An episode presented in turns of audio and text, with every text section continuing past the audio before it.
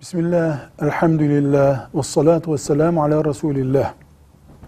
Roman ve hikaye hayal ürünüdür. Soruyu soran kişi roman, hikaye okunabilir mi, yazılabilir mi diyor. Bu soru neden soruluyor? Çünkü bile bile bir yalan yüzlerce sayfa yazılıyor ve okunuyor. Hayal çünkü. Gerçek bir ilişki olsa buna roman denmeyecek.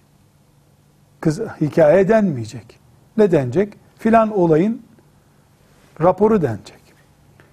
Hikaye de roman da hayal ürünüdür.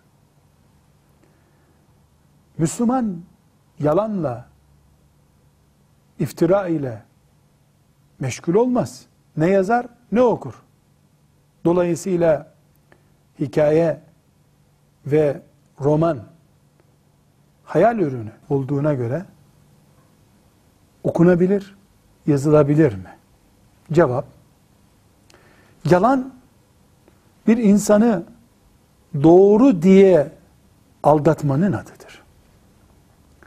Üstünde roman yazan bir kitap, ciddi olmuş bir olayı anlatmadığını, bir yazarın hayal ürününü sayfalara döktüğünü söylüyor. Dolayısıyla bildiğimiz yalan değil romanın yalanı.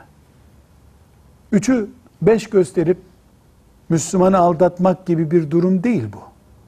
Bu nedenle roman yazmak ve okumak birilerine yalan söylemek gibi kabul edilemez. Tam aksine bilhassa dil öğrenme durumunda olan gençlerin, çocukların dil kabiliyetlerinin gelişmesine katkısı vardır.